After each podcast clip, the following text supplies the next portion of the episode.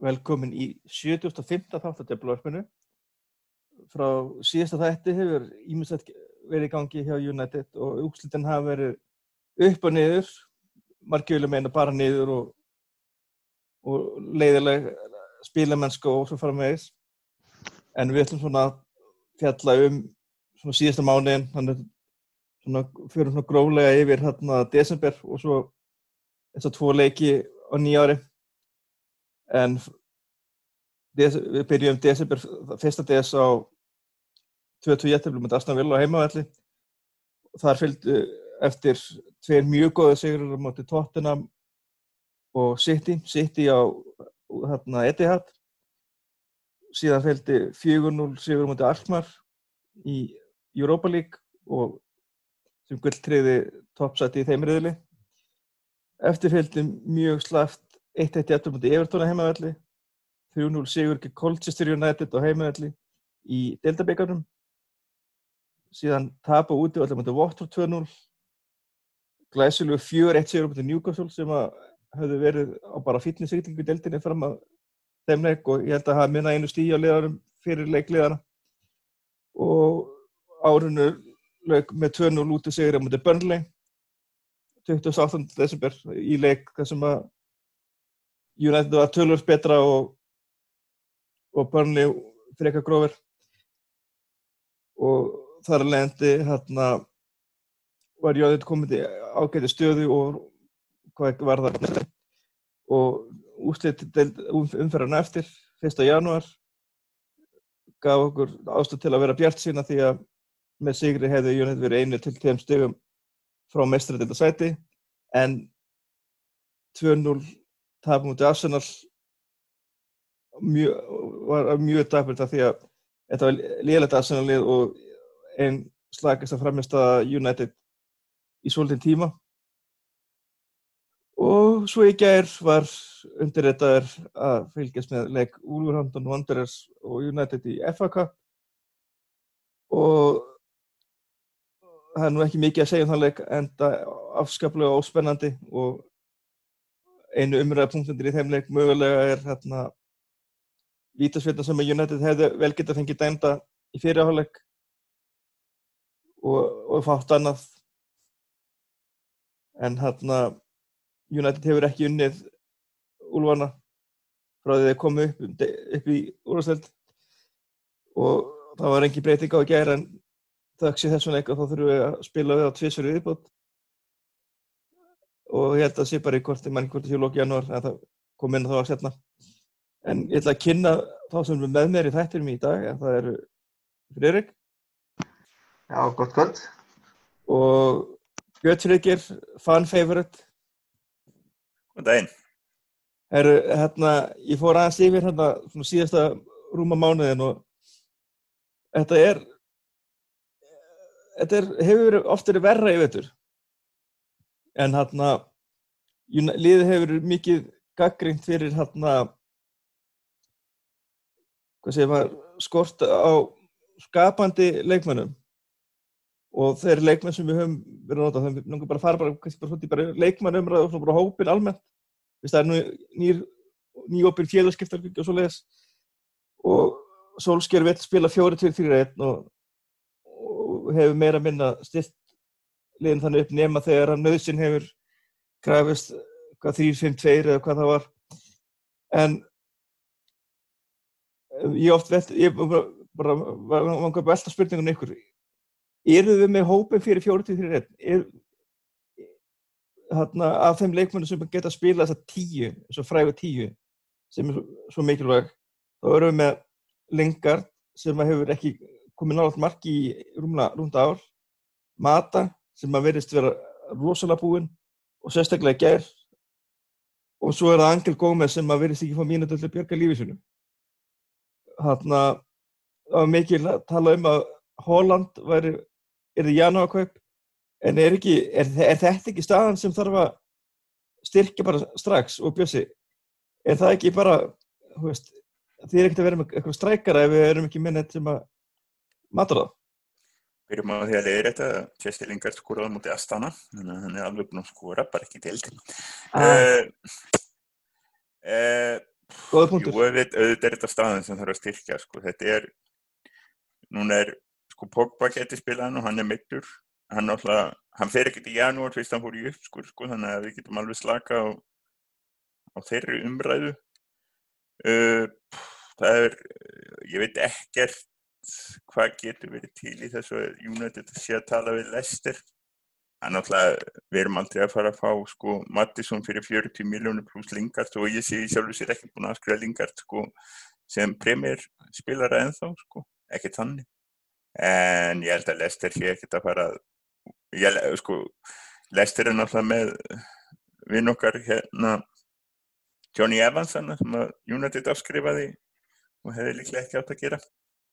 En Nei. hann fór, fór náttúrulega bara í lið og hann spila mennska þróaðist allt öðruvísi eins og hann gætt gerst hjá United. Þannig að það er bara eins og, eins og oft þá, þá var hérna mjög, mjög hérna bara gott fyrir hann að fara. Eh, sko, eh, við hefum búin að taka þessu umræðu cirka bát í öllum podcastum sem við höfum tekið. Ein af ástæðunum fyrir að við höfum ekki tekið podcast er að við höfum ekki nefnt að taka hann hvort það er eka Solskjær. Ég týst einhverju grínum með Pochettino í símanum en daginn eftir eitt slamanleik. Uh, ég sé ekki að sko vandam, við vitum all vandamálið er það að við þurfum nýja eigendur, nýjan framkvæmdastur og knaspinum mála, nýjan yfirmann knaspinum mála, nokkra nýja leikmenn og kannski nýja framkvæmdastjóra. Og, og ég sko, næst, hvar sjáu þið? Myndu þið treysta Pochettino með þessa miðju sem við erum með í höndunum til að vera að gera eitthvað neitt rosalega mikið betra en ólega er að gera? Kannski eitthvað, eitthvað upplætt geti verið betra. Ég viðkenni alveg húslega, ég er ekki hrifin að spila mennskunni. Hún er alltaf skelveli í gær með, sko, en alltaf eina sem kom út úr leiknum í gær var það að Brandon Williams á að spila meira en, en hann er alltaf kjúklingur og það þarf svo lítið að hugsa vel um hann. Hann fekk smá kvildan eftir slæman leik og, og kom sterkur tilbaka, þannig að ég veit ekki. Maður veist að ráðarleysi er svolítið mikið og það er eins og núna, það er verið að prífa. Það er erfitt að kaupa leikmenn í janúar, já. Það er erfitt að kaupa leikmenn í janúar en, en þú ætti að vera búin að undirbúa það og Það verður slíka að vera erfitt að kaupa leikmann á sömurinn. Já, það er líka, sko, ef við horfum á hvað er búið að gera síðustu þrjá, var einhver, það var enginn keftur í janúar í fyrra, var það nokkuð? Eða hitti fyrra öllu, öllu, fyrir tveimur árum. Nei, ekki, nei, ég held ekki. Það var enginn keftur þá, við erum í öðru sæti samt, af því aðalega því að það voru öll liðin að reyna að verða ekki í eftir sætunum. Uh, í staðin fyrir að styrkja liðið þá keftum við Fredge. Hef sagt þetta og þú sagt þetta aftur, þú veist, jafnvel þó hann hefði verið frábært kaup, þá hefði það ekki verið nú. Nei. Síðan vissum við, sko, Ander Herrera, uh, vitið þið hvað hann er búin að spila marga leiki fyrir hérna PSG í vetur? Ég veit að þetta er, þetta er quiz question. Ég hef ekki hugmynd sko. Er það þannig byrju, upp í byrjun eða sem Já, Bara al- byrjunar, byrjunarleiki. Sko. uh, einn? Hann er búin að byrja fimm leiki með PSG í vetur. Ah, Ok, Meina, hann vildi fá, hvað var það, 160-180 stund á viku. Ég meina, það er allt í lægi að segja við svona leikmann, það er um mikið, en þá verðum við líka sko að gera eitthvað í staðinn. Þann, það var ákveð að gera það ekki. Hérna, eh, svo setja ég Halldór Sartin á mig og segja við það að Fellaingi hafi verið besti miðumar United og eitthvað svo leiðis og, og hérna, en það var það sama, það náðust ekki samningar en þá er farið leikmann úr hóknum og þá verður að fá nýja leikmann. Og það var ekki gert. Þetta er náttúrulega sko uh, Óle ber ekkert einn ábyrð á því að það var ekki keift en hann ber einhver ábyrð náttúrulega við vitum ekki hvort það voru einhverju menn þannig á innkaupalistanum sem náðust ekki. Það kem okkur náttúrulega ekkert óvart. En eftir stendur að það var keftur, það var engin maður keftur í janúar fyrir tveimur árum. Það var einn miðumar keftur í uh, sumarklukkunum í hitti fyrir 90, eða 90, við minna almáttu skjóttum, uh, 2018 og hann stóð ekki undir bæntingum bara gerði það ekki frá fyrsta degi, það var augljóst. Það var ekkert gert í janúarklukkunum það sem er augljóst að við hefum þurft að, að, að fella inn í og, og fella inn í fó- fór og herrera var á leiðinni í burtu og við þurftum að gera eitthvað í því. Og það voru jú þríleik með keiftir í sumar uh, og sá dýrasti er, er einu vonbreiðin einhver ráði samt líklega skárri heldur en það sem við vorum með fyrir. Ég veit, Og- hversu, ég, veit, ég veit bara ekki hversu mikið skara hann er samt. það er sorglegt en satt Með hvað Chris Smalling hefur verið frábæð með Róma. aftur hann þurfti bara að fara eitthvað annað held ég. Það var bara andrúrslúttu var þannig. Meina náttúrulega átti Phil Jones að fara fyrir eitthvað en Chris Smalling, við vitum það allir. Og Róho, að hann sé ennþá og launum. fyrir ekki að ég gleym Það breytast. ég meina það er náttúrulega bara eins og það er. Við viss það var ákveð þetta var bara einhver fjármála ákveð eða að reyna að láta Smalling spila og vera í landsliði. Gefa nú séns á því. Og líklega Smalling kannski það vildi fara. Að vil, ögli vilja fara og auðveldast að sennilega að, að selja hann, eða fleiri veist, áhuga samir um hann. Og ég menn hann núna að tala um að Róma sé bara í viðræðum um að kaupa og þetta get og vera að tala um að hvað, 15 til 20 miljón pund. Ég held að þeirra búið 15 og United vil 20 held ég.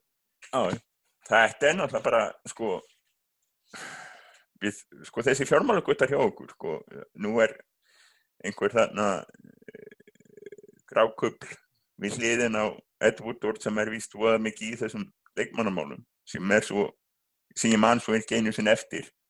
Hérna, eh, ég var reyna að rifja upp hérna, aha, var að finna það sem ég er að leta. Eh, eh, sko þeir eru bara ekki að standa sig. Ég held að við eigum nú að pinna, sko ekki bara það að, það skal tekið fram að eigundur okkar eru skít, skítapakk og fóitar en ég held Ja. að ég held að það sé samt sko þannig að þeir gætu þeir var alveg til í eigða smá pening í viðbúð peningun er á lausa, það er bara einhver gjörsamlega það, það, það vantar svo hérna það vantar svo yfirbyggingu þetta er, það var ágættis hérna týst frá norskum gaur sem maður fylgir svolítið vel með. Uh, hann er að vikna til þess að, að það hafa verið tólmenn ráðnir inn hjá hérna United núna í fastar stöður, nýjar stöður eða uppfærðar stöður eða eitthvað. Þjálfarar, markmannsþjálfarar náttúrulega framkvæmdastjóri einhverjinn í board science einhverjinn í fitness einhverjinn í analysis og hérna þetta er allt stöður meira eða minna sem að direktor og fútból er að sinna því að, að ráða í öðrum klubum vegna þess að direktor og fútból er einmitt í því að hafa yfirsýn yfir allt heila draslið og hérna en hjá okkur er þetta eitt útvart sem ræður. Ég er, sko, er, er Óli að ráða öllum þessum stöðum? Sem, maður sem að við getum þessum að vera að sjá rekin sko á morgun. Það ef er, við, það er mjög góð spurning, það er bara virkilega góð spurning. Og líka svo, náttúrulega, að við erum alltaf sammála en, en þú veist, hvenær er nóg komið það út? Ég meina þú veist, það hlýtur að vera einhver metnaður hjá þessum klubbi að nei, vinna eitthvað. Nei. Er þetta ekki bara spurningin um að gera bara það allra, allra minnsta, bara rétt nóg til þess, eða þú veist, mér, mér finnst oft þetta, þetta vera svona eins og þeir geri bara það sem að þeir telji duga til þess að halda stuðningsmönnunum svona ekki sáttum, en ekki alveg nógu óanaðum til þess að, þú veist, gera, þú veist, þeir ísa upp á afturlappinnar ef svo má orðið komast. Mér finnst eins og, þú veist, eins og ef við tökum kaupin í sumar rosa fín en þú veist að vita allir að þetta var ekki nóg en þú veist af því að þau eru svona veist þeir eru búin að koma þú veist Daniel James var náttúrulega bara hræpilegur og búin að koma fínt inn í liðið og, og Van Bissaka bara frábær kaup ég er ekki alveg alveg nógu sáttum með Maguire eins og ég held kannski að því séu sammála með alltaf Uh, er, er gott að halda ára ekkert, það myndi sparki í raskættu Já, ég veit það, ég veit það. Þannig að ég ætla að gera þetta svona í, í, í fjárveri hans. En þú veist, hann þú veist, Maguire er ekki, all, ég er ekki alveg nógu sáttur við hann, en allavega, þú veist, mann finnst þess að þetta hafi verið svona, þetta eigi bara að láta duga og þú veist, uh, ég meina, leiktíðin hjá okkur er búin að vera svona svo lélegur rússipanni. Þetta er bara svona að vera, þú veist, maður heldur alltaf að maður sé að koma alveg upp í geggjöðu brekkuna og svo, og svo gefur jafntefni á móti ástofnvila eða eitthvað slúðis. Ég er samt að horfa en að, þú veist, líta yfir, þess að þú vorst að fara yfir desembermánu sem er náttúrulega svolítið, manna, bilaði leikir, hvað talaður um, við spilum nýju leiki. Nýju leikir, sex sigrar Fegra. og eitt tap. það? Já, já, það stemmir og þú veist get, það er alveg eitthvað sem maður getur sætt sér við samt, og meina við sitjum í fymtasæti svona í seilingarfjallega frá Chelsea sem hefur verið að hyggsta líka hann að þú veist, sísón er langt frá því að vera eitthvað búið eins og margir voru að fara að segja í, veist, um mannamótin 8. november þegar við virtist bara ætla að eiga jærfileikum með að tryggja okkur inn í Európa til þeirra en þannig finnst einhvern veginn svona ah, þú veist ah, það, það vantar einhvern veginn svona alltaf, veist við erum, við erum alveg að fara að komast á eitthvað skrið og þá kemur eitthvað hyggst og það er náttúrulega samblátt af mörgum atriðum og það er sérstaklega náttúrulega það stærsta er náttúrulega þessi þunni leikmannahópur. Hva, og mér lágast, þú veist, ég veldi í stundum fyrir mér hvar væri við ef að Fred hefði ekki stíðu eins og hann er búin að gera, hann er búin að vera veist, skánand, hann er búin að fara mjög batnandi á þessari, þessari leiktíð. Og Scott McTominay bara búin að vera bara, þú veist, við getum ekki mist hann. Bara Þeir eru bara, þeir hafa haldið uppi bara miðunni hjá okkur svona Já, í tvo mánuði. Hversu, mikið svona, hversu mikil björgun fyrir eigundunar og útvart var, var þetta kombo, þetta miðju kombo, það hefði enginn fyrir, fyrir þessa leikti talið að miðja með Fred og Scott McTominay gæti slátrað, þú veist, að gæti séð um leiki á móti City og Tottenham. Mjög góð punktur og, og svo líka hérna, ég veit að við, hérna, við gaggrundum Mourinho mjög mikið hérna, en, og hann hefur gaggrundur mjög mikið fyrir hvernig hann kemur fram með leikmenn og unga leikmenn en hann má alveg hafa heiðurinn á því að hafa komið skott á tóminni hérna í aðlið Það var nú, held ég Ferguson sem var nú svona aðeins á óttónum að Mourinho, sko. mögulega, mögulega en Fyrlega, hann, hann, hann er kannski ekki fullan heiður, en, en hann jú En- vissi að valda hann í liðið. og hann er nokkið sem Mourinho sem þekkti fyrir það að vera hérna þvingar í að gera eitthvað það vill ekki. Ég held að það sé alveg hægt að segja það, sko, Mourinho hefði ekki gert neitt, sko, sama hvað Ferguson var að segja, sko, hann gerir ekkert sem hann vill ekki gera sjálfur.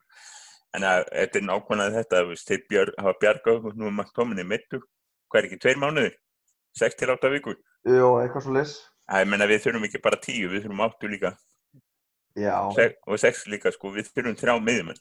Og svo náttúrulega, svo sá ég að fólk var að tuði yfir oh, Matic, hver hann að gera það fucking solskjör og eitthvað en hver á spila í staði það er góð spurning. Er ekki Garnir líka búin að vera meittur? James Garner er mittur, Dylan Levitt er mittur þannig að þetta eru tveir efnilegi miðjumenn sem eru með en þau bara get ekki spilað Nei og svo líka bara, jafnvel þó þeir hefur verið heilir, þeir hefur aldrei verið inn í þessari jólatörn, þeir eru kjúklingar ennþá. Þeir hefur ekkert þólað þessa þjættu, meina nýju leikir í desember og, og núna eru, þú veist, hann er ekki mikið liðað af árun en við erum búin að spila tvo leiki og það er, það stefnir í nýju leiki í janúar. Já, akkurat, út úr úrstöndunum í ger já, sem er al, al, alveg frábært. Pínu feira, ég sá ekki leikin í gær. Haldið við kaupum eitthvað, segi ég bara, haldið við kaupum. Veit það, ég held að það- verði fenginn einhver einn leikmaður sem verður ekki einn af þessu sem að við, við erum búin að vera orðaðið við. Ég, ég held þessi alveg. Það verður það þá panik, panikkaup, einhver átt út í. Nei, þetta Ég- verður ekki svona lest.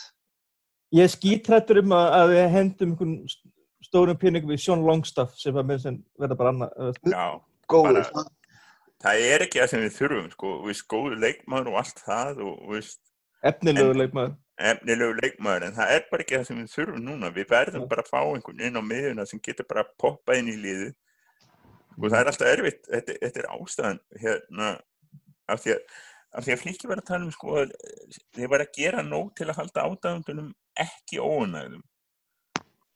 Ek, ekki alveg fullkomlega óanöðin. Það er nei, það er það sem er að, áhörður sem eru þokkalega þeir sáttir. þeir gerir rauninu nóg til að koma í veg fyrir sko hallabildingu Já, en það sem er ekki vandamáli er það að við erum að horfa upp á það, það er lið þannig rétt hjá okkur sem er að sko snýta deildinni og spila að mér skilst. Ég er, ég er litingi, ég horf ekki nærið mikið, eins mikið á fótbolta og, sömur og, og ég, ég bara horfi afskaplega lítið á þetta, afskaplega lítið séð af leikjum þeirra.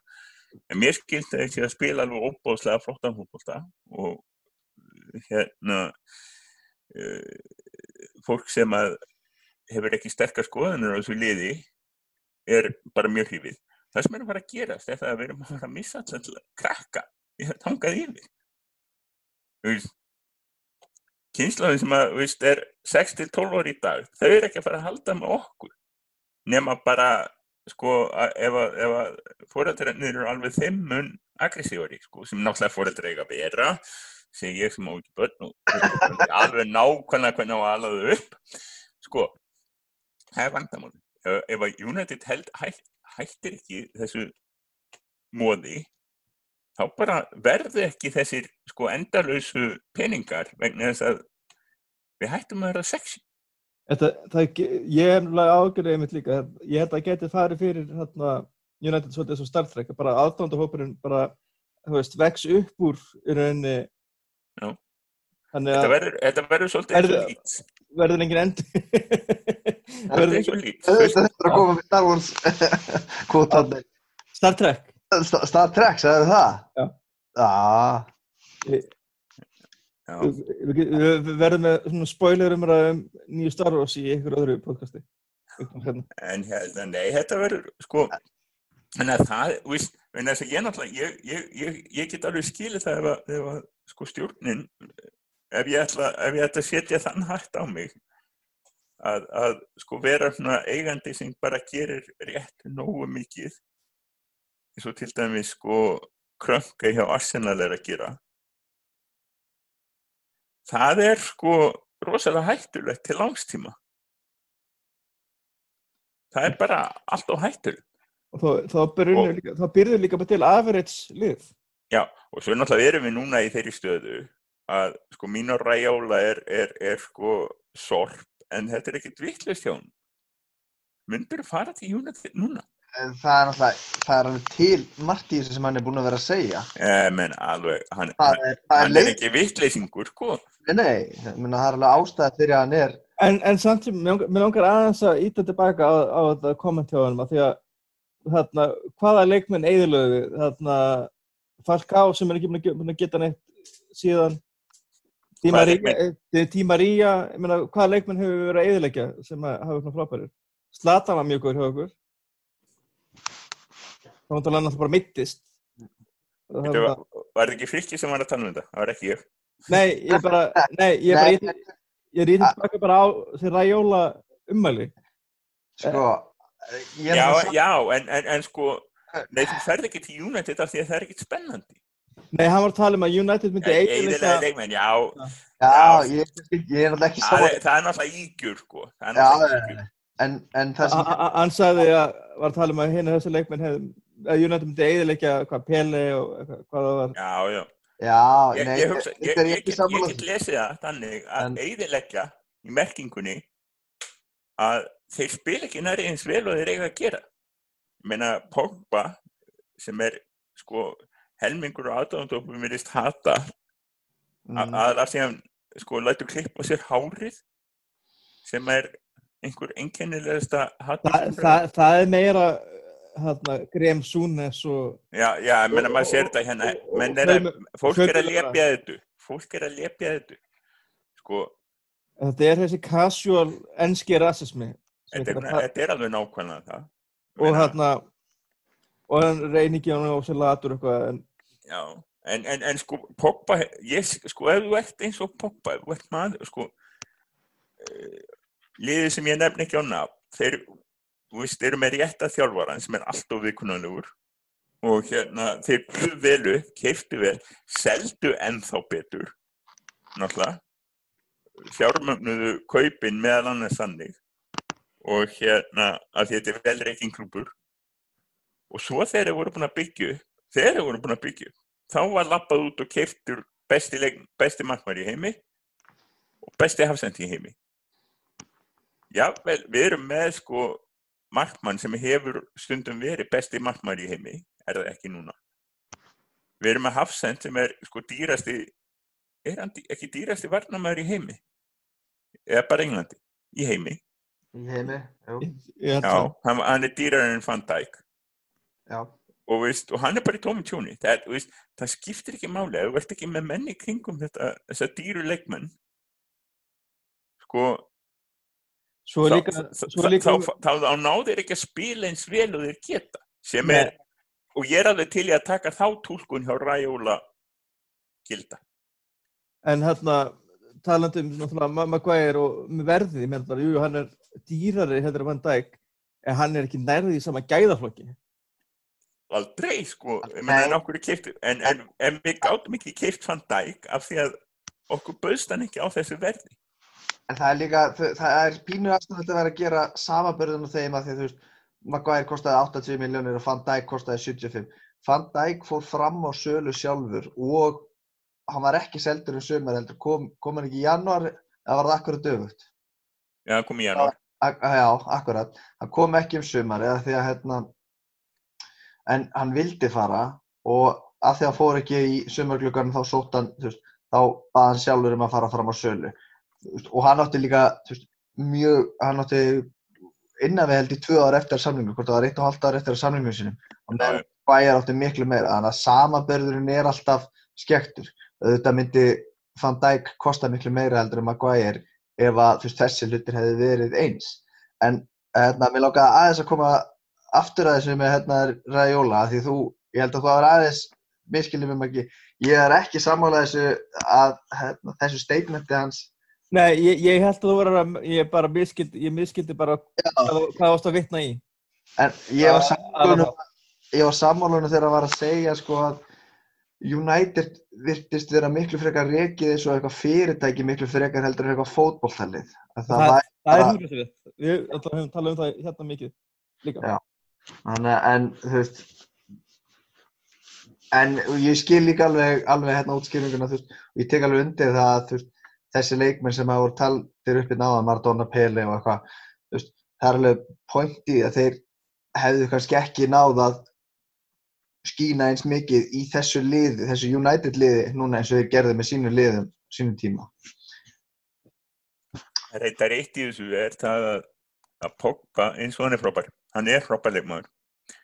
Hann þarf smá sko, maður sér það hjá Fraklandi. Honum er, hann er með það mikið að góðum leikmennum í kringum sig að þegar honum er skipað að spila eitthvað ákveðið þá er það allt í lagi. Og bara vinnur hann ákveðna, sko, færa ákveðna stöðu, færa ákveðin verkefni, á ekki að skipta sér af öðru. En það er aðri sem sjáum það. Ég, Grísmann er kreatorinn og hérna eh, hann hérna sexan hjá þeim Þetta tala um hérna hollendingin, hérna nýja. Nei, ekki franska landsliðinu sko, það er engin hollendingur þar Nei, það er franska, ég ætti að vera að tala um hérna. Nei, ég er að tala um í landsliðinu sko, að hann er með stu Þetta er hann- svo. Já. en vantar þannig að veist, þá, þá getur hann verið sko þá þarf hann ekki að reyna um mikið Er, er þetta sexan er ekki hérna leikmaður hérna, en ekki Juventus? Nei, það er hjá City, hann hérna sem var hjá Lester Okkur, Kante? Nei, Já, nei, Kante. Hann er hjá, Chelsea? hann er hjá Chelsea. Já, Chelsea, já, Já, já fyrir ekki. Va en vantar ekki bara Pogba svolítið eitthvað svona kjarkmikinn trökk sem, þú veist, ah, hann er alltaf mikið með einhvern veginn svona væntingarnar á herðin sér. Það vantar hann ekki bara eitthvað svona, þú veist, Jú, það er alveg bara að sjá það, hann er ekki þessi, þú veist, hann er ekki að fara að verða fyrirliðin, hann er ekki leiðtúa típan sem okkur hefur stundum vantað til þess að keira liðið áfram, veist, hvernig væri til dæmis Pogba með svona kíntípu við hliðina á sér, sem að væri bara öskandi alltaf í gang, þannig að hann geti bara svolítið fókusar á sitt og, og þú veist, það væri ekki hann sem þyrfti að vera að peppa, þú veist, hérna í kringu sig eh, og veri að pyrra sig á því að þeir væri ekki að taka rétt laup og svo að- nákvæmlega. Hann er leikmaður sem þarf að vera í góðu liði. Já, já, maður skil, að hann þarf að vera með leikmenn í kringum sem sem vinna ákveðna vinnu fyrir hann og hann, hann einbissist bara sínum hlutum sko. og ég get alveg skilið Gæti það hann spilað í tíu sko ef við fengjum McTominay og einhverja kantetípu eða eitthvað. Ég, ég, ég bara, ef hann hefði, þú veist, ekki me- meiðst eftir þarna, þú veist, eins og að maður Arsenal, ef, að, ef við höfum verið með, þú veist, eða svona McTominay þannig mittur, ef við verðum með, veist, Fred og McTominay hérna bara fyrir aftan eins og það hefur verið að spila, það Pogba bara fram að þá. Við höfum ennþá ekki fengið að sjá það. Það er alveg eitthvað svona sem að maður maður væri til í einmitt akkurat að sjá sjá hvernig, veist, hvernig það myndi ganga þegar nú hefur hann kannski ekki hann er, hann er stór, hann er sterkur, hann getur skotið og getur skapað. Þannig að það verður komin allt annur, uh, komin alveg auka hætta líka hérna fram að því. já, og ég meina þú veist, hjá Júfi þá var hann í miklu einmitt svona frjálsari stöðu meira svona eins og svona messala uh, stöðu sem að þú veist hann fær miklu meira að, að svona róma um, svo maður sletti að þú veist, um þú veist, fremri hlutan á vellinu. Þú veist ég get alveg séð fyrir mér að Scott McTominay og Fred gætu séð um þú veist vera, þú veist, þá, svo að Pogba þyrfti ekki að vera alltaf að skera sér tilbaka, að vinna tilbaka eins og hann er reynda búin að þurfa að gera þessari leiktíð, það er þetta litla sem hann hefur spilað. Þannig að þú veist ekki það, ég sé ekki að Fred verði einhver byrjunarleismæður hjá okkur, jafnvel þó hann sé byrjar að stíga upp og sé búin að skila flottri vinnu í einstakar leiki núna sko Ég er, ég er alveg sammála því, ég ætla að er bara, er bara að hugsa bara með hópin sem við höfum í dag.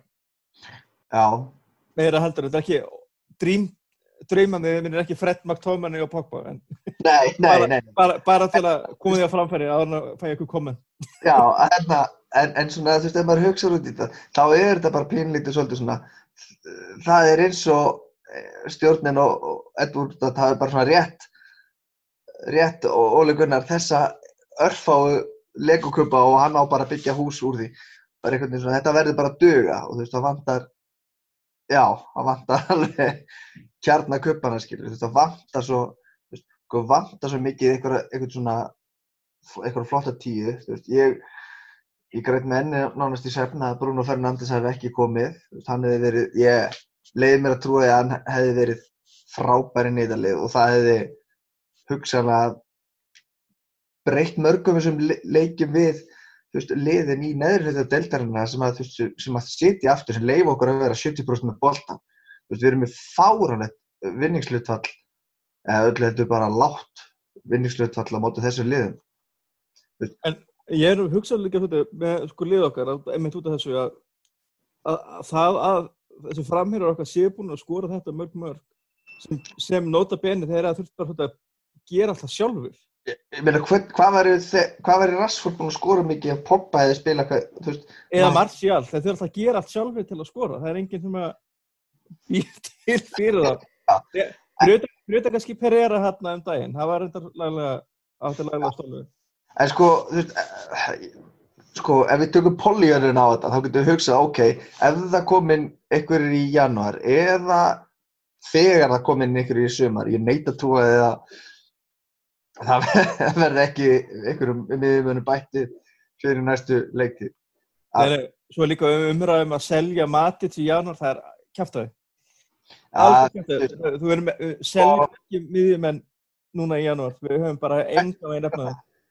Þetta er fáránum sko, Vist, við, við þurfum að kaupa fimm menn, við þurfum að kaupa tvo núna í janúar og þrjá í sumar. Láma. En við erum að kaupa tvo í janúar, sko. Stóru liðin er að kaupa fimm leikmenn á sumri. Við keiptum þrjá. Við keiptum, við keiptum sko einn í uh, þar á undan. Ef við keiptum, hann kom hann að náttúrulega var markmaðurinn og var ekki einn annar sem kom í fyrra sumar. Það er að segja fyrir ári. Og var það ekki ykkur, var það ekki ykkur ungur? Ertu að tala um markmannin? Já, nei, nei, það komið þrýr í, í fyrra sumar. Eða veist fyrir einu og hálf ári. Var það ekki? Fred og einhver, einhver, um hvern er ég að hugsa? Allot, hann kom fyrr. Ha, skiptir ekki öllum máli. En hvernig lýst ykkur að fá Emrik Sann? Veistu það, á þessum tímapunkti, ég, ég sé ekkert nema jákvæmt til það. Nei, ég veist það, ég, ég, ég bara, ég sá slúður og ég bara, ne, ne, uh, Bjössi, þetta, Jóhannas, hérna, Diego, da, Diego Dalot kom með Fred og, og já, alveg rétt, já, auðvitað. Já, en Sann, veist, hann er ekki að spila hjá Juve, Nei, þeir eru að spila, sko, þeir eru að spila með þrjá á miðjunni sko Pjanic, Quadrato og, og Rabiot, þeir náttúrulega Juventus er með sko næst besta hópin í Evróp í dag, Já, 22 manna hópin. Þeir eru með sko basically tvölið í gangi. já. Sitt, Ég, ég sé ekki af hverju vættum ekki, þú veist, þannig erum við að tala um, hvað er hann gammal? 28? 25? 25. Er ekki eldri en það? Hann er 25. Já, ég minna, þú veist, it. Og fyrir að þegar hann var að spila Juve var hann mjög góður. Er Já, ég menna að það var fínn í fyrra. hann er ekki að komast, það er ekki að hann komast ekki inn í því að hann svo, er svo lélugur. Já. Ég menna, mér, hann er bara því að Pjanic er rosalega góð. Og Rabiot var. Ra Rabiot náttúrulega, þú veist, líka rosalega góður. Og Quadrato er, veist, hann er ekkert að fara, Quadrato er hann að vantilega að spila út á kanti og fram og Sjana er ekkert að fara að spila það. En, en hversu, En hann myndi lappin í liði hjá. Það algjörlega, það er bara svo einfalt. sko fyrir utan öll meðsl, þá myndi hann samt gera það. Þannig að þú veist, í ljósið þessa, þú veist, Scott McTominay, Garner, Pogba, þú veist, þeir allir myndir. Þú veist, auðvitað myndi hann alltaf fara inn í liði fyrir, þú veist, yfir Mata, yfir Matins og Fred. Þannig Já, að, já, jú, jú, þetta verður maður kannski að sína, veist, smá loyalty að því að Fred er búinn að standa sig mjög vel í flestum leikjum undanfærið, ég ætla ekki að segja allum. En, en fyrir utan líka bara það ef hann kemur til okkar og verður góð, góður, þannig að það verður ákveðin pilla hérna í ákveðin hérna. eitthvað ákveðin átt. Já. Ég, Já. ég, En, sko, hversu hættu þetta væri það þá ef að, þú veist, ef við myndum taka eitthvað svona, svona sæning, eitt leikmann, við getum ekki losa okkur við, þú veist, til dæmis Matits eða eitthvað, ef ef við myndum, nei, Já. ma Matic fyrir bara sumar semninguna þegar hann er út. Mm og verður bara ekkert vesen og hann fer bara. Ég, það það sem ég en sko, ég, ég, ó, nú man ég ekki hvaða leikur það var, sem, ég- jú, ég var að skrifa um þann leik, þar sem ég, þar sem að Matits byrjaði á miðinni og ég hef aldrei séð neitt í rauðskirtinu vera ja, áhuga lítinn um það að verjast og, og, og veist, sinna boltanum. Er, er, er, er það nýjásleikin, mögulega? Á Arsenal? Nei, nei, þetta var held ég, æ, ég man bara svo opbóðslega, svo, þetta lýsir líka framhjörstæðan sko hérna á mögudaginn, hérna. Já, ok, en hann var litur allt, hann var miklu skárri hann að, sko, ég held að það þú veist, þetta gæti hafa verið hérna á milli jól og nýjás eða eitthvað, af því að ég man svo vel eftir í að hann er, hann er sem sagt, Var með, þetta Everton leikurinn? Nei, hann var ekki með það. Hann var í Evropuleikunum eða ekki? Hann var, var hann ekki mútið Alkmaar? Nei, nei, nei, nei, þetta, þetta var ekki, þetta var held í leikur sem að við bara rétt mörðum eða eitthvað og þú veist það skaust einhver leikmaður, eða skaust, lappaði fram hjá honum og hann svona stóð alveg fastur eins og keila og horfði á eftir honum og snýrist ekki eins og við, horfði bara alla leið eftir og þú veist, ég man ekki hver það var, hvort það var Luke Shaw eða Williams eða Lindelöf sem var komin hann og, og, og lokaði á þetta og varði ekkert úr þessu, hvort þið fengið hotna eða eitthvað En allan tíman á meðan þú veist, sóknin held áfram, þá stóð hann fyrir utan teginn og svona rétt leit tilbaka. Ég, bara svona, mér, eh, mér fannst þetta að lýsa þessu, þú veist, þetta er ekkert sami leikmaðurinn og, og við fengum frá, Var þetta ekki, byggarnum hann á móti Colchester? hann getur verið, ég var með hann, Hann byrjaði, Hann Byrjaði hann leik. já, það getur verið. Það var eitthvað með svona, æ, þú veist, áhugaðlis, þú veist, þú, þegar þú veist, þú ert einmitt með einhverja kjúkling að spila í kringu þig, þá verður þú svolítið að sína frumkvæð og vera fyrirmynd, vera drífandi og vera leiðtói ekki, þetta var bara, veist, já, ég er, þetta var bara svona, það nánast skein út úr andlitanum, já, ég ætla að fara í janúar eða sumar. Bara, bara klára samninginn og adiós. Þetta er náttúrulega, já, ég meina, eins og ég segi, leikmannhópurinn er allt og þunnur. Það er voru gaman að nota ungu leikmann en, en þú þarft, sko, stundum þarf bara að segja, já, sorry, það er bara, Við, við reyndar töluðum um það í fyrstu podcastunum á, fyrir, hvort það var fyrir þetta tímabili eða, hvort þetta var rétt eftir að, já, já, örgulega bara þegar leikmannaglöggin var nýlokaður og við vorum að átt á því, við fengjum bara þessa þrjá leikmenn og það erði bara svolítið kyrt á ungu leikmennunum. Að þá var maður svona, þá, við rættum einmitt um þetta, þá ætlaði við svona, já, við verðum að svona gefa Óla tíma og þú veist, gera svona vera vera svona sína smá svegrum og svona, þú veist, þetta væri kjúklingar og þetta væri nú gott fyrir framtíðina og svona. En svo bara, þú veist, svo, svo sér maður liðið hvað það getur spilað vel. Á móti, tala ekki um svona eins og í Tottenham og, og sitt í leikjunum. Og maður skilur ekki af hverju þetta lið mætir ekki í leikina á móti Aston Villa, á móti Sheffield United nema bara, jú, þannig í 8 mínútur, á 8 mínúna gamla, voru frábærir í 82 mínútur á Þú veist, er það samt ekki pínlítið það að, að hérna, óleikunar er ekki að ná að mótivera þá í litluleikina það finnst mér alveg svona já, það ringir okkur viðurunabjöldum hjá mér sko Ég held að það sé líka það að hann hafi ekki taktikinn í það. Er, það- það er þessi statistík, sko, við vinnum ekki leiki nema við séum minna með bolta. Var ekki Newcastle fyrsti leikurinn í eitthvað, á, veist, marga mánuði sem að það, hann var fyrsti af held ég Nei, hann var hérna, nummið tvö af eitthvað 17 leikjum í röð þar sem við vorum búin að vera meira með boltan, ef mann rétt. Ég held að það voru 17 leikir þar sem við vorum þú veist, meirinn meirinn anstæðingur með boltan og við höfum bara unnið einn aðeins. já, einmitt, einmitt, já, það, það passar. Þetta var sem sagt annar leikurinn af átján sem við unnum. Vorum með, Og við, það er við, bara, það, það er það að við búum ekki til færi. Við, við, það var reynda gaman að sjá Rashford skora hann með skalla um daginn. Já, það var... Þarf að bæta því við í sko í hérna vopnabúrið. þetta, var, þetta var magnaðu skalli, hann bara... Þetta var bara rosa flott. Þetta var Og svo sáum við Harry Maguire skall. Herðu, herðu, hann, hann átti líka... Þetta var rosalegt. Það var erfiðar að hitta markmann en að hitta hann ekki. ef, sko, býtunu, það var líka í einhverju leik núna um daginn, hvort það var í njúkastuleiknum eða einhverjum öðrum, það sem að Harry Maguire átti þrjus skot bara fyrir utan teig nú, ó, nú man ég ekki hvaða leik það var það var alveg magna Og hitta ramman. nei, hann, hann Ja, úrðaði boltanum framjá en, en svona Fór- samt langt framjá fó- fór hann í sama sóknarskóla og Fred Ekkert svona, Fred hitt á markið í gær. Og- sem er mikil bæting frá hérna í Hann- hittir við þetta ekki að marki Nei, ekki í gær. Það var á móti afsend. Við áttum ekki skota mark í gær. Nei, eina, eina skotið sko, var ekki áraman, þetta er íraman það var hérna þegar Rashford átti skot skot átti skot í slána.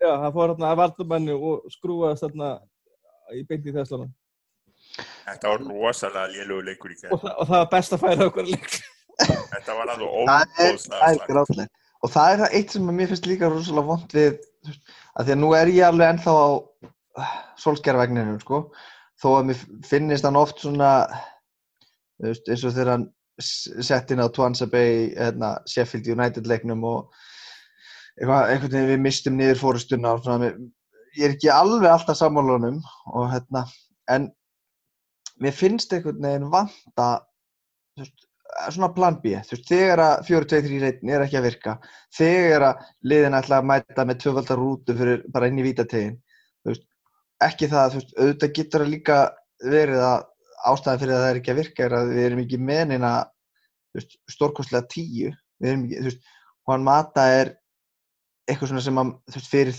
fjórum, fimm ára síðan hefði verið fullkomin leikmaður einmitt í það, en það vantar einhvern veginn svona svona eitthvað smá fjölbreytileika í, í taktíkina hjá.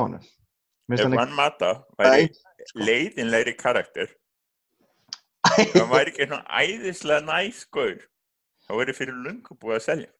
en þið munið satt að sko, já, næskæ og næskæ sko, nú, nú er annar næskæ sem er hugsað á leiðinni í burtu frá okkur Markus Rokko, hann er með færri rauð spjöld heldur en Juan Mata í rauðu tíðinu sko Já, sko, ekki næstin á velli, bara svona, bara svona, þú veist, Það er ekki- Þetta er góða drengur.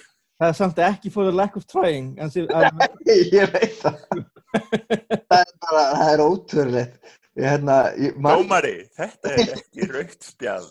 Þetta er ekki raukt spjald. Hlustaðu á mig. Hann- Hann, hann er það er tryggt þarna Ó- Obi-Wan Rocco. já, ánægði fyrir ekki, þarna kom Star Wars það er ekki En hérna, nei, þetta er sko, við náttúrulega, eins og ég segi, þetta er, það er svo margt að. Ég væri alveg til í að sjá okkur reyna að skipta um þjálfara.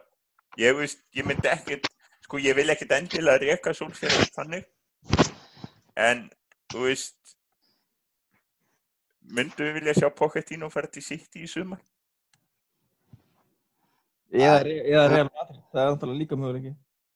Æ, Mynd- við það, sko, Myndu þið, myndu þið vilja sjá Brendan Rodgers? Er hann með of mikinn bakka á bakkinu? Ég held að sé bara þetta botler. Já, Hann er svona framan að svo, eins og möttil í lífbúleiknum þá gáttir ekki raskat. Hann, hann er ekki, eða sem sagt, allavega, uh, Lester hefur til dæmis ekki, hafa þeir unnið eitthvað stórlega núna, Töpum við þetta okkur og töpum, sko skítöpum þannig að við basically við þyrftum að fá hérna Rodgers og Solskjær saman. Þá varum við óstöðvandi. Eh, svo lengi sem þeir skipta ekki öfugt, sko, það þá skulum við að fyrir okkur. En hérna, þú veist, maður sé samt, ég er alveg til í að, þú veist, að það er alltaf verið að tala um, já, sólsker þarf tíma, sólsker þarf tíma. Ég er alveg til í að sjá okkur gefa honum aðeins meiri tíma. Ég, ég var til í að sjá allan eitt til þú glugga svona fær Já. leik. Hann er búin að þurfa, sko, fyrir að þetta að vinna algjörlega með hennan hóp sem að Mourinho skildi eftir. Mm og tæplega það. Og svo var Já. sko, hálft liðið selt eða lánað og hann fær þrjá leikmenn. Og ég minna þú, Woodward er ekki búin að gera hún neina greiða. nei, og Ég hann myndi allt í einu að við eigum ennþá Alexis Sanchez. Og, þurftir, sko, hér, hér leið okkur makka bara þokkalega vel. já, Og veist, eitt svona glorious e eftirnýtti, ég var búin að gleyma því að hann væri til. oh, Ég líka. Þú fórst að tala um lánaða leikmenn. já, Verð ok. full ábyrð á þessu sjálfur. Ég var að meira smáling. En, já, en það virðist nú samt vera að Smáleik sé bara farin fyrir, ég held að sé 15 miljónir pluss 3 ári í bónusa. Já, ég held að ég býð, það verður röglega tilkynnt bara röglega í hinn. Þetta er, þetta er rosalega fínt múf hjá honum. Já, já, Bara honum líður vel hann úti og bara gott spila vel. Og hann er besti ennski miðurinn í dag. Sko langt besti. John Stones. pff, power move þetta hjá þessum Pope-gur. Já, Ah, ha, það var hérna leikmaður Port Vale og hann var bara búin að lýsa því yfir þetta á Twitter að að hann myndi spila að bóti hérna Stones og var vissum að myndi skora. hann týsti því fyrir mörgum mánuðum síðan. það er eitthvað 40 eða myndi skora 50 eða eitthvað. Nei, hann, hann sagði sko fyrir hálfa, eða ári, sagðist að hann myndi skora 40 mörg að hann væri að spila reglulega móti mönnum eins og John Stones. Já, Svo eftir leikin í gerð týst hann aftur og sagði, nei, breyti þessu, segjum 50. Þetta er 34 ára gammal gauð sem er búin að vera að þvælast um í beðnitildinu sko í annað skipti á Port Vale og svona. já, Algjör journeyman sko og svo skora hann alltaf móti John Stones. auðvitað. Erðu, það, það, það er undir með Alexis Sandis. Vitið hvað hann er búin að spila margar leiki fyrir Inter? Hann er eitthvað búin að meða sko, ég, En en, hann, hann er alltaf búin að vera almeittur núna sko, hann, hann, hann, hann er meittur fram á vor, Já, a- a- hann náði fjórun leikim. byrjunar. Bara almennt, samtals. Já, vá. vá.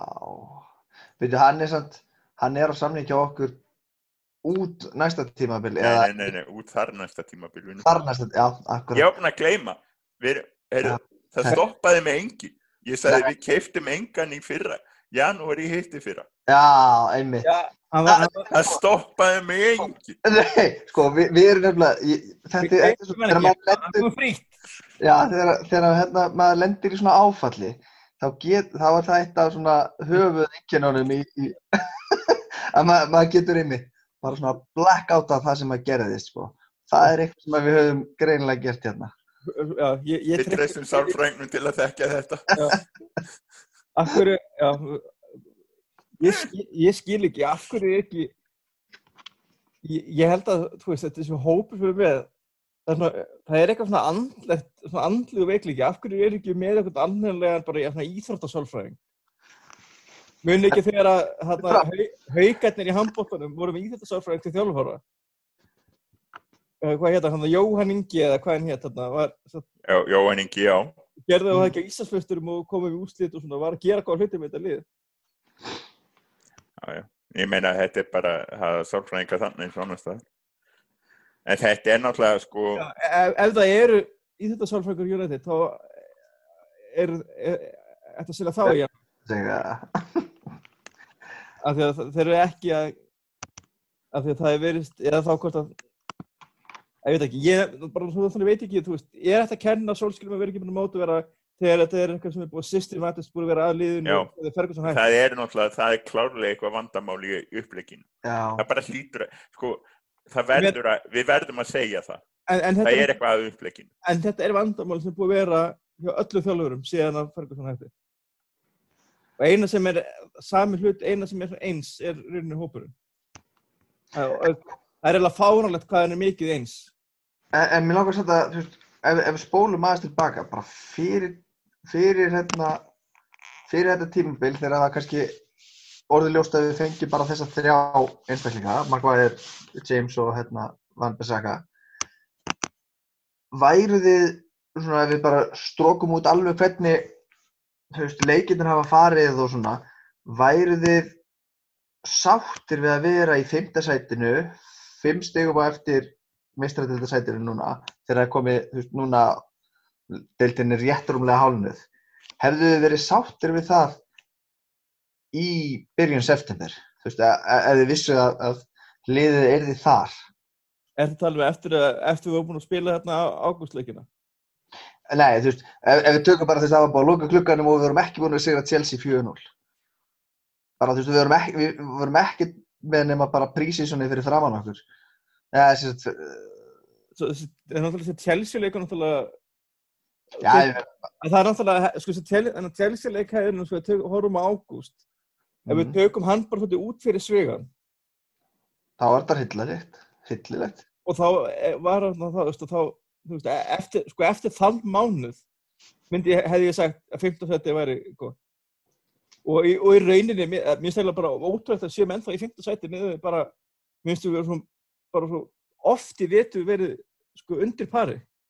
Já, þú veist, þetta, er svona keimleikt í eins og svona lokin á síðasta tímabili, þar sem að engi, það voru öll liðan að keppast um að vera ekki í fjórðarsætti og svo má ekki gleyma því, sko, við erum með þunnan hóp og búin að vera með rosalega mikið af meðslum. já, og ég meina, ég man alveg, þú veist, við tölum um það líka að þetta myndir nú bara, nú væri þetta sko tímabili hans Pogba, því að nú væri, hann væri bara með liðið á herðin sér, þetta myndir nú standa og falla með honum og hann er bara búin að, þú veist, hann meittist í september. Ég meina, Já. hann er ekki Hann átti sex leiki eitthvað þannig fyrir september, var það ekki? Já, eitthvað veist, hann er ekki, Þú spilaði eitthvað byggarleikarn og svo meittist hann aftur. já, akkurat, sko. Þannig að sko, ég hefði, ég hefði sagt bara, veit ekki með sko hvort að ég var í sáttur með það en það hefði alltaf komið mér rækil óvart að mér verið sagt það. En Já. þess að sko, þetta er náttúrulega búið að vera, já, hann er með átta leiki sko Já, á síðan. á sísoninu sko. Það eru þessi tveir le hérna, til leikur þetta sem kom inn sem var að maður.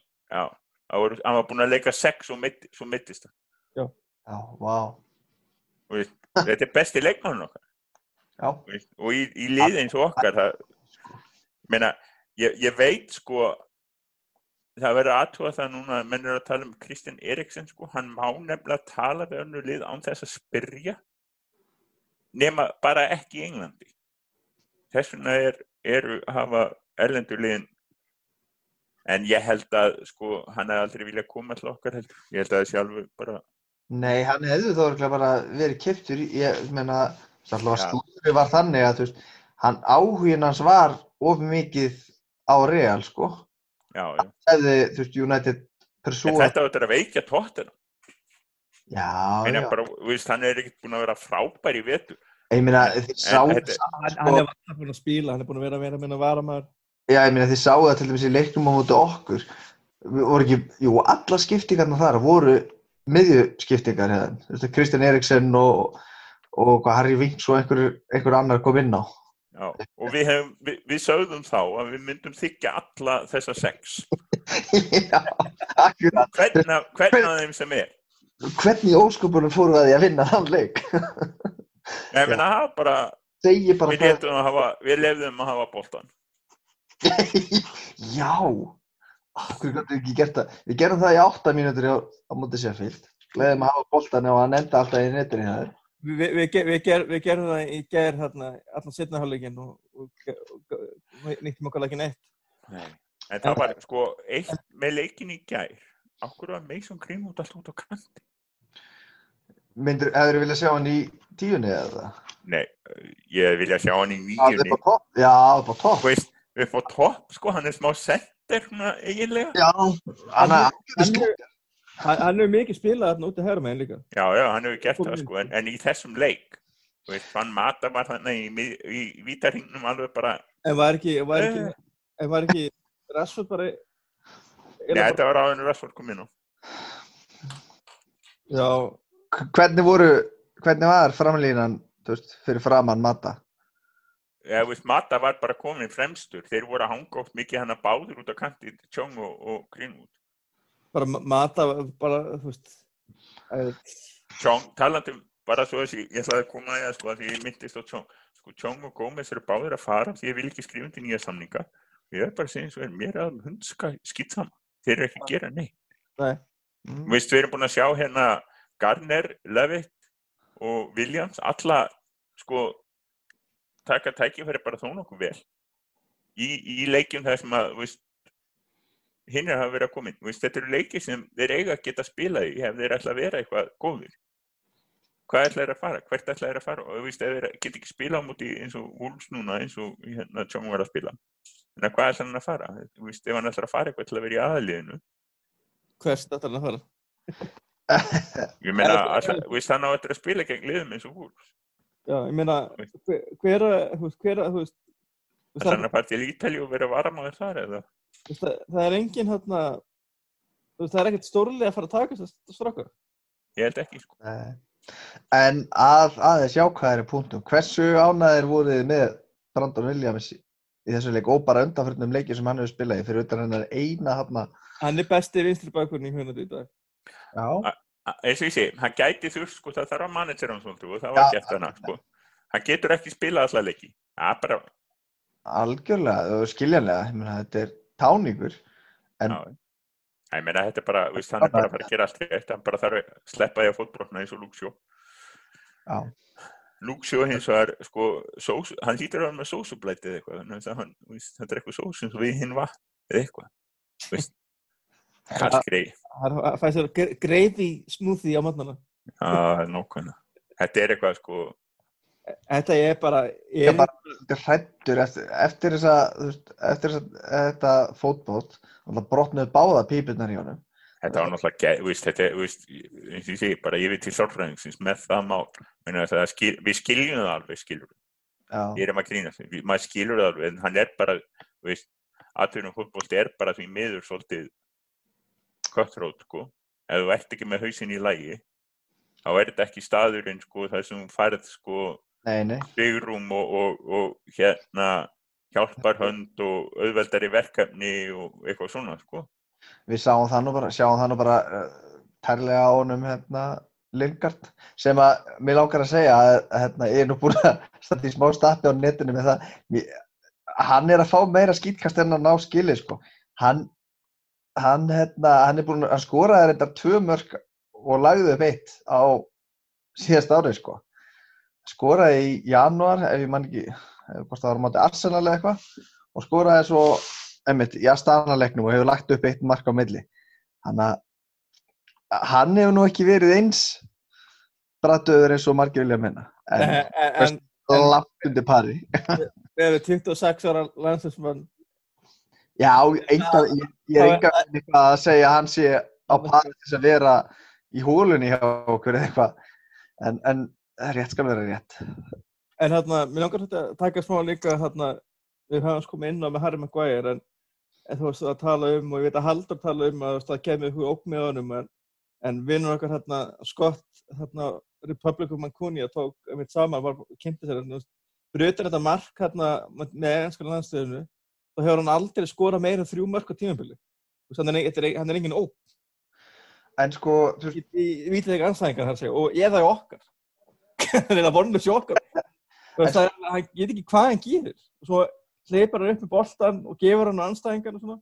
Já, mér langaði einmitt að, sko, hvað, hvað er það, hvaða hluti af planinans solskjær er það? Að þegar, þú veist, þegar ég sé einmitt, Maguire er að komin upp, hinlið, þú veist, mótorinn, þeir, leifa þessu bara að gerast, af því þeir vita að það kemur ekkert út úr þessu og end kemur, í 75% tilfella, kemur vond sending á honum sem er bara að rata beint á og og þú veist, þá, þá skilur hann Lindelof og hvort sem það er Fred eða Williams eða einhver sem er með veist, í bara frekar slæmri stöðu. Af því hann, þú veist, og hann er ekki manna fljótastur yfir völlin tilbaka sko. ég, ég sá það líka í hérna vittunni, í hvaða leik var það, það var ekki börnlegi leiknum, nei, ég man það ekki. Allavega, það var í einhverju leiknum núna um daginn, sem að, veist hann missir boltan, við, þú veist, hann fer upp með boltan og, og við töpum boltanum. Og svo er bara, einmitt, skyndisók og sem að svona ah, hægðist á. Og ég held að það veri fimm eða sex United leikminn á undan honum að skila sér. Og hann svo kom hann bara jogginu, sko, ég maður veit auðvitað að hann er ekki, veist, hann er ennþá, ennþá leiðin, leiðinni tilbaka. Já, en af, af hverju þá verið að senda þann leikmann upp sem er líka, þú veist, jú, hann, hann getur átt alveg frábæra sendingar en mér finnst Lindelöf þannig séð betri í þessu þessum, þessu aspekti af leiknum að bera boltan upp og, og koma honum þú veist, yfirleitt er það bara en maður hefur líka séð alveg frábæra sendingar hjá Lindelöf sem eru bara það sem hann húrrar boltanum inn í eitthvað svæði fyrir kantmenninu okkar en af hverju er verið að senda Maguire sem er hægur yfir, Lindelöf er sneggur en hann? Já, þetta er eitt af því sem ég skil ekki alveg við plani hjá þeim norska sko. En, en hérna, ég ætla ekki að minna staðin, Tandem Lindelöf, mikið rosalega, heyrðu, það eru tveirleiki núna sem maður búin að sko tapa náttúrulega svílíkum skalla, sko, náttúrulega hann átti markið hann á mótu Arsenal, Já, ásamt með öðrum, ásamt með öðrum. Já, já, já. Og hérna, svo var það einmitt hann einu hinn í gær, sko, það, var það ekki bara þegar að það kemur skall í þvert fyrir markið, ég held að sé bara, ég þegar að eh, það er ekki Rómer og Versu en það kom einhver hann að skalli sko þertuðinu marki svo bara Lindelöf var bara sko 20 cm of lítill í uppstökkinu já. veist, ef, þegar, þe- ef að ég er fann að sjá hann sko tapa svona skallingum þá, þá get ég alveg lofað ykkur því að það er allir greinendur á Englandi búin að sjá þetta. Þannig að þeir targeta. Og ég meina, ma maður er líka alveg tekið eftir að lið, liðin hérna, í manni svo í Crystal Palace leiknum á móti hérna, já, á móti Crystal Palace snemma á leiktiðinni, þannig sem við töpuðum að þá er mitt fórun upp í skallaðvíri sem að, þú veist, og maður sér alveg það er verið að, þú veist, setja leikmenn á hann og, veist, láta húrra boltanum þangað fyrir allt á staði símanum, að hérna, að því, veist, hann er ekki þessi svona ah, bara ah, aerial presence svona, veist, hann hefur ekki þetta, þetta svona þetta svæði sem að er bara hans í rauninni í kringum hann já, þegar kem, koma háið boltar. Og maður, maður spyr sér stundum af hverju þú veist, af hverju þeir reyni ekki að, að, sko, skipta og, og, og þú veist, hann sé frekar í ykkur svona svípirhlutverki og, og Maguire sé þú veist, stikki sem að fer upp í skallaðin við Ég, ég, ég held að með, með Lindelof, ég held að hann sé svona kannski svona 5 cm og kannski svona eh, nokkrum örfam kílóum af vöðum frá því að vera frábær. En sko, það má ekki taka það samt frá honum að hann er búinn að stórbæta sinnleik hvað þetta varðar meðan þið síðustu tvö tímabil. En það er bara, hann var það lélegur í þessu fyrir. Mér, mér, mér, mér fannst hann betri í fyrra. Þetta er hann hefur verið í Ég að skoða, ég var samt að skoða tölfræðin hans fyrir, ok, það er kannski konið tveir mánuði síðan, að það, vantar hansi marga leiki inn á þessu, þessu tímabili.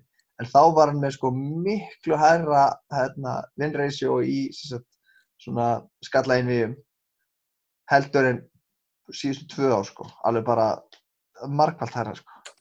Þetta er náttúrulega hlut að þessu er það að liði, víst, þegar, þegar lið spilar allt vel, þá spila einstakir leikmenn yfir getum Já, já, já. og þegar það illa gengur, þá draga menn konan. Þetta er, þetta er bara hlut að stóra vandamál. Vi, við getum lesið þetta morgun, fyrir bara út, kaupum tvo miðjumenn, reikum múli, fáum Pochettino og látum að segja okkur hvernig við höfum að kaupa, eigðum 200 miljónum.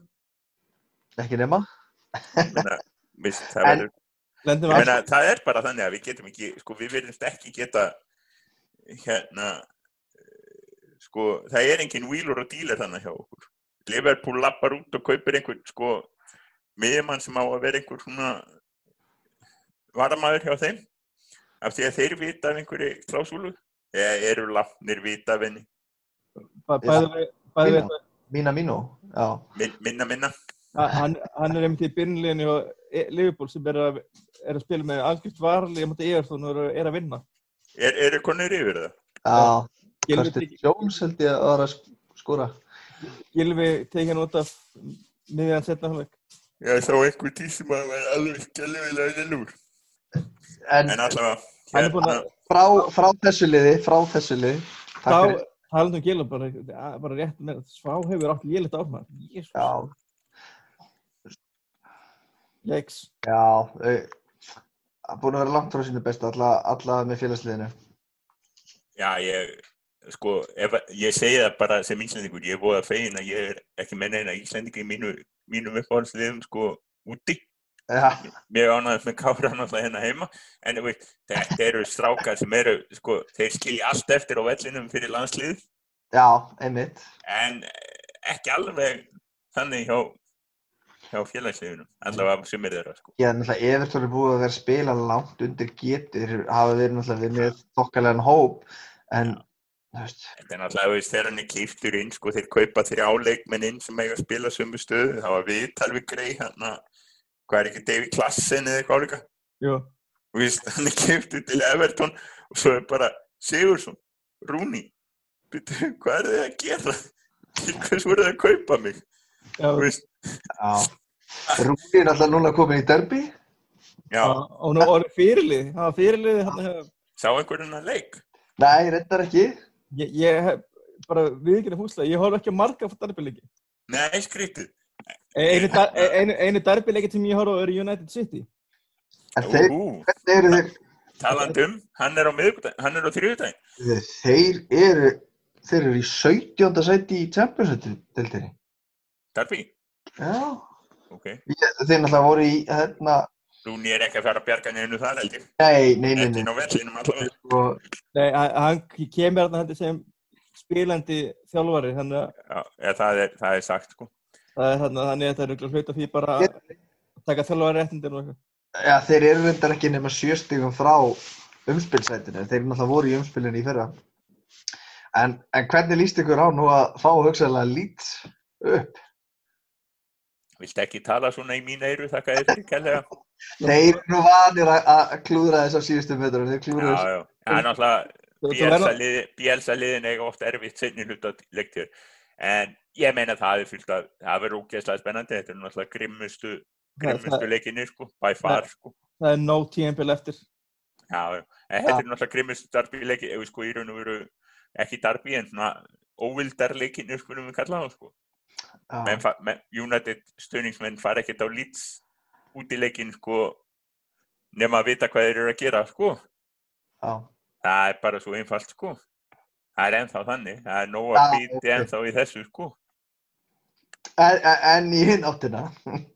já, í hinn áttina líka sko ég, veist, ég er náttúrulega eins og ég segi, maður, maður þekkir hvernig United stuðningsmenn líta á þetta sko það er ennþá fullt af gamla skólanum að United stuðningsmennum sem vita hvernig hafa hvernig þessi leikir eiga að vera sko Mhm.